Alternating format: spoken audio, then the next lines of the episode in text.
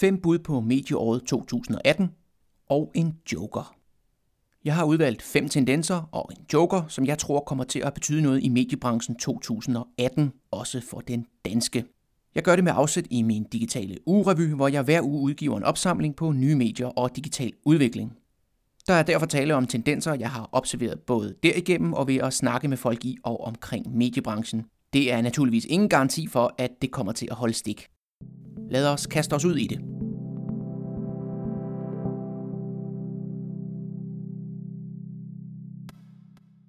Nummer 1. Indtjening. Glem alt om kunstig intelligens, chatbots, virtual reality, augmented reality, blockchain, intelligente assistenter og så videre. Det her bliver trenden over dem alle. At medierne skal tjene penge på det, de laver. Det kan virke lidt fesen, der kalder det en spot om, for vi er sådan set allerede i tendensen, men det kommer til at fylde mere. Nærmest hver eneste beslutning, satsning og fravalg, de danske medier kommer til at foretage, bliver med tanke på, om det er noget, der koster mere, end det vil kunne tjene. Det kommer især til at handle om at tjene penge på sine læsere, seere og brugere.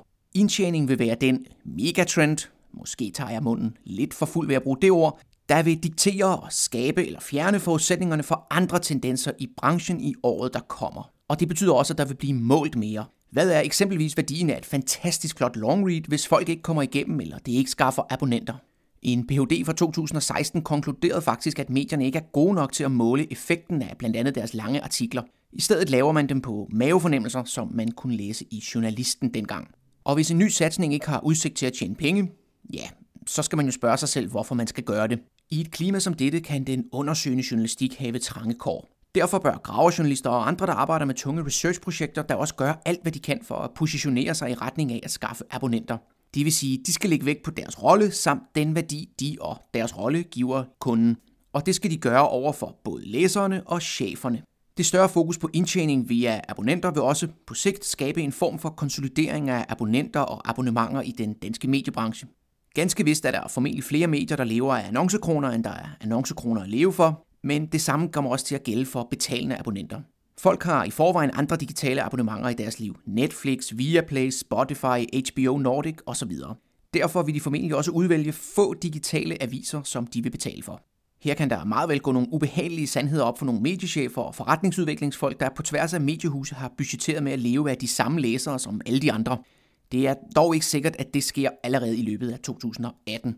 Her vil nichemedier få en rolle at spille, og dem vender jeg tilbage til senere.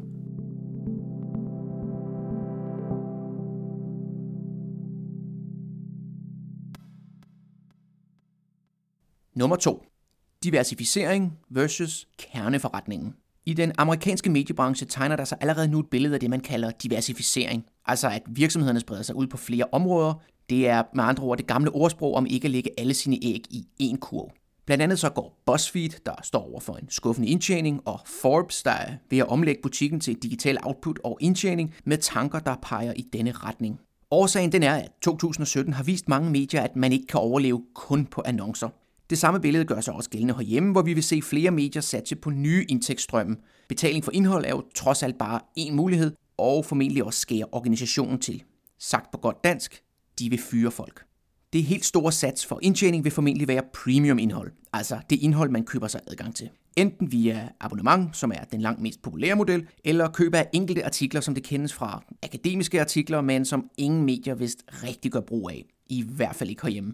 I USA er der en del lokalmedier, der også begynder at gøre arrangementer til en del af forretningen. Det kommer vi helt sikkert også til at se herhjemme. Lokalmedierne har trods alt stadig en fantastisk evne til at samle folk fysisk for at debattere emner, der optager lokalmiljøet.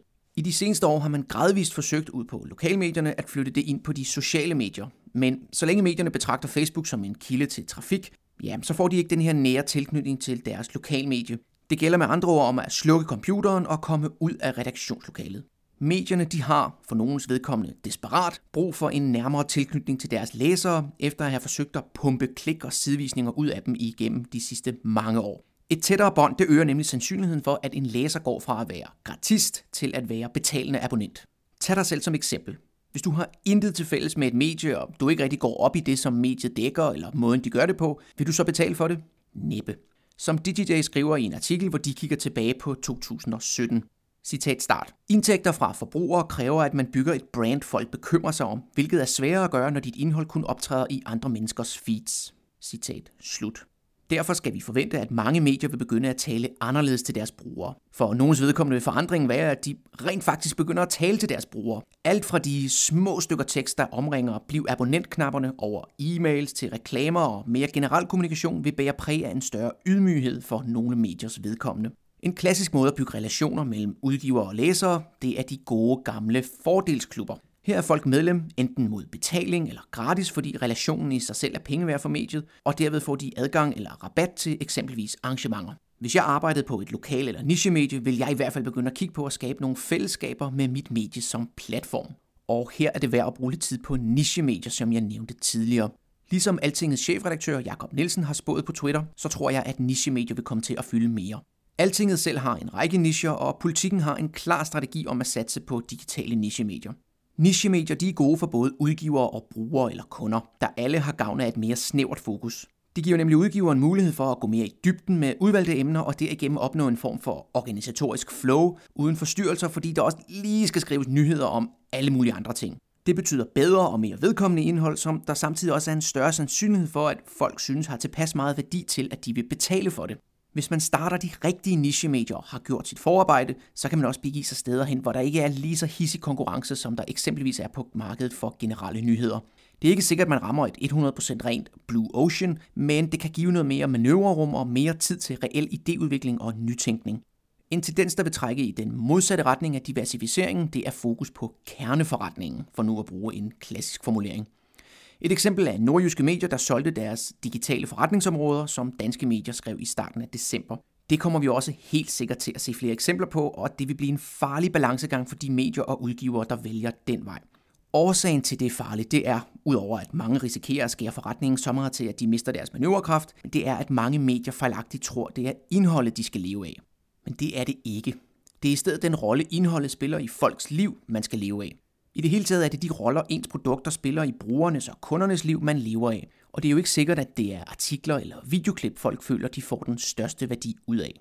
Bharat Anand, der er professor ved Harvard Business School, skriver om netop dette i sin bog The Content Trap fra 2016.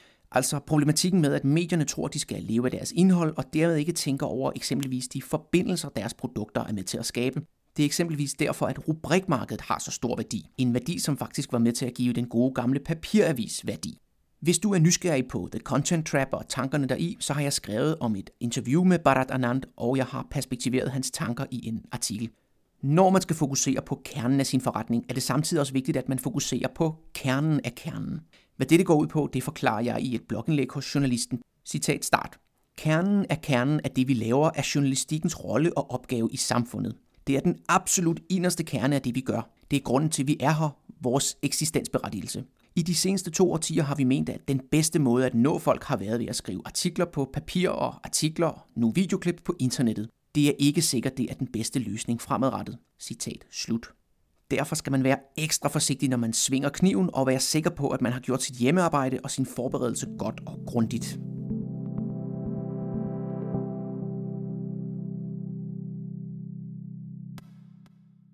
Nummer 3. Brugerperspektivet. Det her er medicin til en sygdom, mediebranchen længe har haft. Bevares, man har talt om brugeroplevelse og helt sikkert haft masser af workshops og fokusgrupper, brainstorms og læst masser af rapporter og mediumartikler om god UX. Men for mange mediers vedkommende har det været halvhjertet.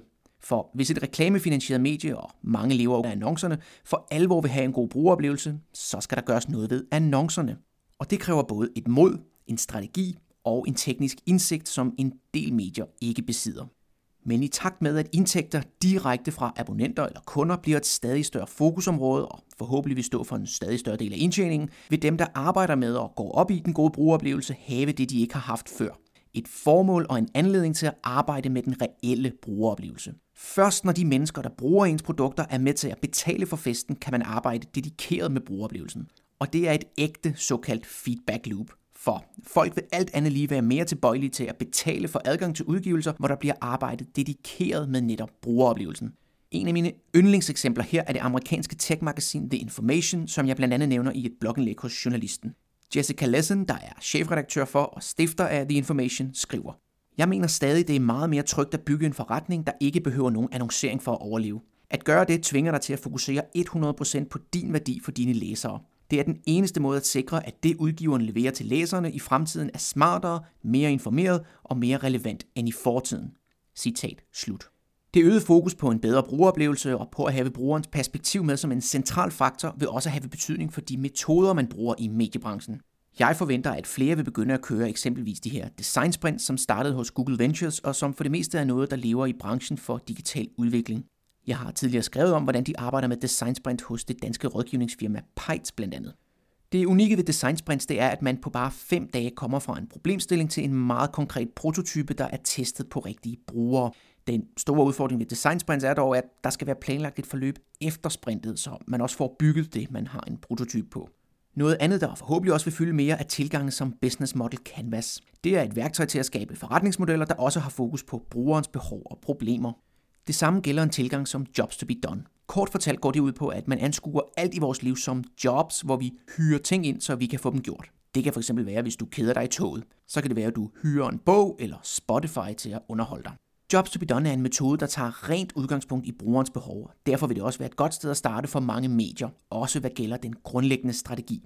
Det kan være rigtig sundt at stille sig selv spørgsmål som, hvorfor kommer folk til os? Hvad er det for et problem og behov, vi løser for dem? Disse metoder de er nye for mange i mediebranchen, mens der er teknologivirksomheder og firmaer i den mere kreative branche, der formentlig allerede kender dem. Derudover vil konsulentfirmaerne formentlig stå i kø for at undervise mediebranchen i blandt andet design sprints. Og hvis den danske mediebranche gør, som den jo ofte gør, ja, så vil man i alt for høj grad insistere på at gøre tingene på sin egen måde. Det kan virke for nogen, mens det for andre er den sikre vej mod en forvasket udgave af noget, der oprindeligt var en rigtig god metode. Det giver dårlige oplevelser, og det betyder, at man aldrig vil prøve det igen. Her er det vigtigt, at medievirksomhederne tilpasser sig de nye virkeligheder og metoder, ikke omvendt.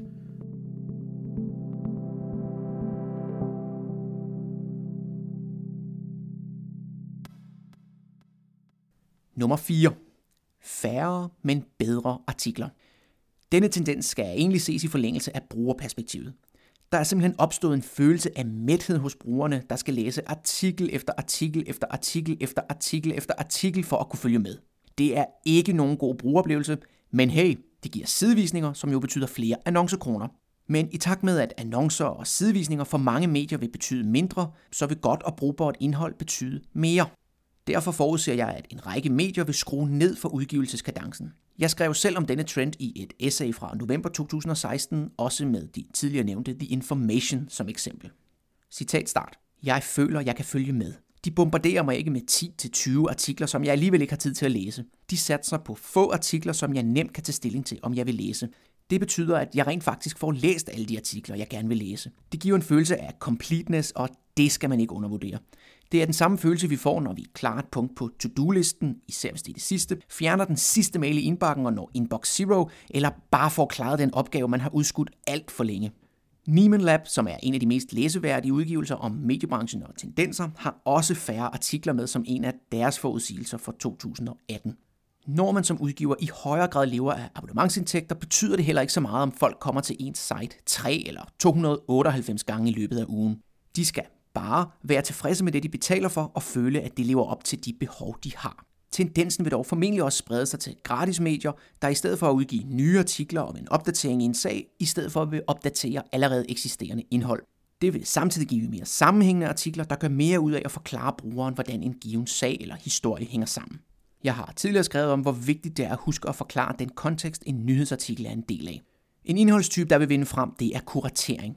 Det går i al sin enkelhed ud på, at en journalist eller et medie løbende følger udviklingen inden for et givet område og deler de bedste, vigtigste eller mest interessante historier løbende. Som Jeff Jarvis' slogan lyder, Cover what you do best, link to the rest. Kuratering giver mere mening for brugeren, fordi han eller hun i mindre grad behøver at følge udviklingen og læse artikler undervejs og i løbet af dagen, ugen, måneden osv. Nogle de vil måske mene, at det er farligt at linke, fordi så kommer folk jo aldrig tilbage igen. Men spørg lige dig selv. Hvis du falder over en udgivelse, der giver dig overblikket og holder dig opdateret på et emne, vil du så aldrig vende tilbage, eller vil du holde fast og tjekke det løbende, så du kan holde dig opdateret? Jeg ved i hvert fald godt, hvad jeg gør. Kuratering af indhold er også en måde for medierne at dække en historie eller et stofområde på, uden at skulle bruge unødig meget tid på at producere indhold. Det er jo indhold, der allerede er produceret, man blot linker til. I øvrigt var kuratering en af de tendenser, jeg talte om, da jeg var gæst hos Eric Sings i hans Help Marketing podcast.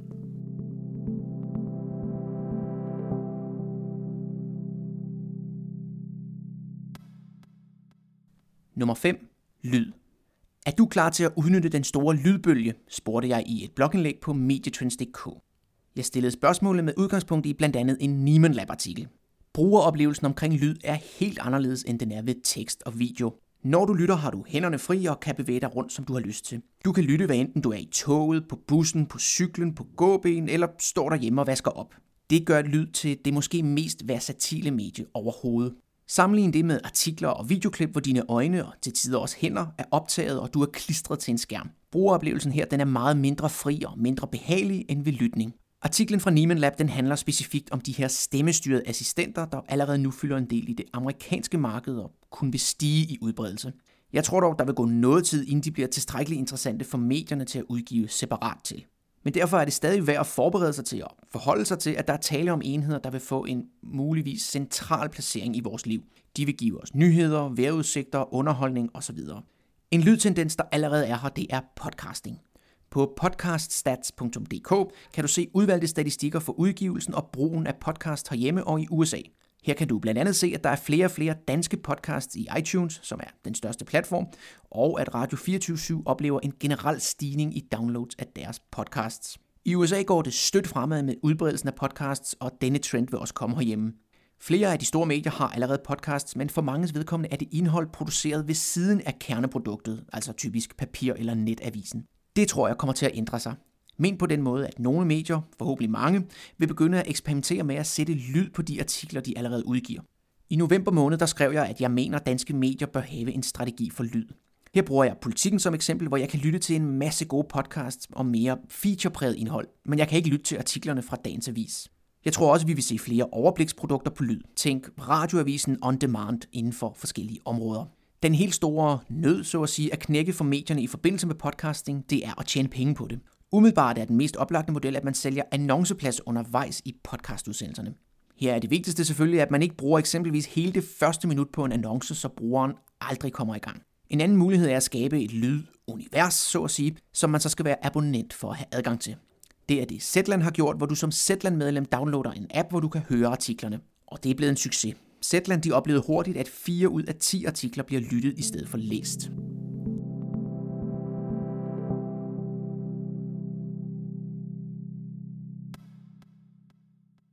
Jokeren Facebook. Jeg har valgt at kalde Facebook en joker i 2018. Årsagen til det er, at mediernes relation til Facebook kan gå i forskellige retninger. Det er altså ikke Facebook som et socialt medie, vi bruger som personer, jeg ser som en joker. Det er mediernes relation til den enorme platform og relationerne den anden vej, der bliver interessant at følge. For nylig der viste en statistik, at medierne generelt henter mere trafik fra Google end fra Facebook. Det er interessant, fordi trafik, altså klik, er den alt dominerende årsag til, at medierne overhovedet gider bruge tid på Facebook. Hvis den begynder at dale, så vil deres incitament til at bruge Facebook til at skaffe trafik formentlig også dale. Det kan betyde, at medierne flytter ressourcer over på andre steder, hvor der er mere trafik at hente, f.eks. søgemaskineoptimering. Facebook og mediernes komplicerede forhold går flere år tilbage, men flirten har aldrig rigtig mundet ud i et fast forhold. Facebooks Instant Articles er ikke blevet den succes, Facebook havde håbet på, og medierne bliver ved med nærmest sanseløst at poste links på Facebook, skønt det er nærmest det modsatte af, hvad Facebook-algoritmen belønner. Med en faldende trafik fra Facebook er der muligvis udsigt til en eller anden form for afklaring. Slår medierne og Facebook op og går fra hinanden, eller finder de ud af, at de alligevel ikke kan leve uden hinanden? Den kan sådan set gå begge veje. Hvis man tænker tilbage på de seneste udmeldinger fra Facebook og især bossen Mark Zuckerberg, jamen så er medierne og deres rolle i samfundet meget vigtigt for Facebook. Hvis de sætter handling bag de ord, vil de to parter nærme sig hinanden, og DigiDay forudser blandt andet, at 2018 bliver året, hvor Facebook vil make nice med medierne. Og så er der alligevel riser i den ellers fine lak. For nylig har der været en debat om, at franske medier, efter at have fået penge af Facebook, nu skulle være afhængige af platformen. Den snak har fået en Facebook-talsmand til at sige, at hvis medierne ikke vil bruge Facebooks platform eller produkter, jamen så kræver det blot et klik at opsige det. Efter jeg skrev den her artikel, er der også kommet rygter om, at Facebook måske er på vej til drastisk at nedprioritere mediernes rolle og betydning på platformen. Danske Rasmus Kleis Nielsen, der er Director of Research hos Reuters Institute for the Study of Journalism på Oxford University, forklarer i en Nieman Lab-artikel det, han kalder Snapchat-scenariet. Citat start. Jeg frygter, at 2018 vil blive året, hvor vi vil se en stor platform beslutte sig for, at nyheder ganske enkelt ikke er besværet værd og begive sig til 1. At reducere nyheders rolle og systematisk adskille det fra det andet indhold, og 2 reducere antallet af nyhedsorganisationer, der har tilladelse til at udgive på platformen og dermed føre striks kontrol med, hvem der har den mulighed. Han kalder det Snapchat-scenariet, fordi det nye og endnu kommende Snapchat-design adskiller social fra media, som Snapchat-stifter Evan Spiegel skrev i en gæsteartikel hos Axios. Det betyder helt konkret, at indhold fra dine venner lever i den ene side af Snapchat, mens indholdet fra dem, du bare følger, det vil sige medier, firmaer, profiler osv., lever i den anden side af Snapchat. Totalt adskilt fra resten. Rasmus Kleis Nielsen han er bekymret for, at det scenarie vil føre til mere lukkede platforme, hvor folk ikke i samme grad støder på indhold og synspunkter, de ellers ville møde. Om godt og vel 12 måneder, eller måske mindre, ved vi, om det bliver Facebook, der opfylder hans profeti. Uanset hvordan det ender, så er der enorme spændinger og frustrationer imellem medierne og Facebook. Og som det er med spændinger, så kan de kun holdes nede i et stykke tid. Før eller siden vil de bryde igennem og enten skabe splid eller gensidig anerkendelse og samarbejde. Det er meget svært at sige, hvordan det ender, og derfor er forholdet mellem Facebook og medier den helt store mediebranche-joker i 2018. Mange tak, fordi du lytter med. Hvis du lytter via podcast, så finder du i beskrivelsen af denne episode et link til artiklen. Der finder du også et link til de andre artikler og lignende, jeg linker til.